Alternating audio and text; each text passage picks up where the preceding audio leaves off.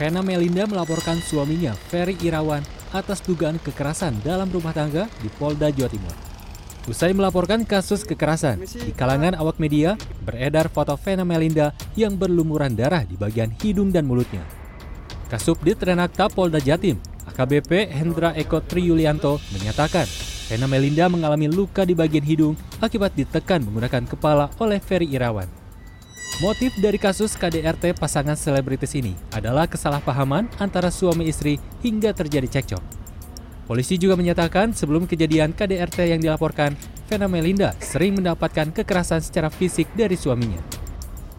Untuk motif, ada kesalahpahaman keluarga suami istri. Cekcok ya? Cekcok. Kalau dari keterangan korban, si terlapor sering melakukan eh, ancaman atau kekerasan ke korban.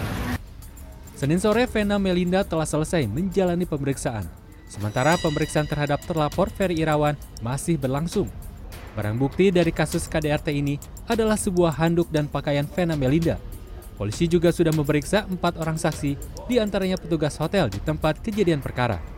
Sebelumnya, setelah menjalani pemeriksaan medis, Ferry Irawan Senin siang kembali menjalani pemeriksaan di gedung Direktorat Reserse Kriminal Umum Polda Jawa Timur.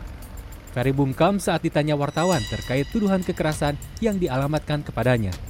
Kasus kekerasan ini terjadi pada minggu pagi saat keduanya berlibur dan menginap di salah satu hotel di Kediri.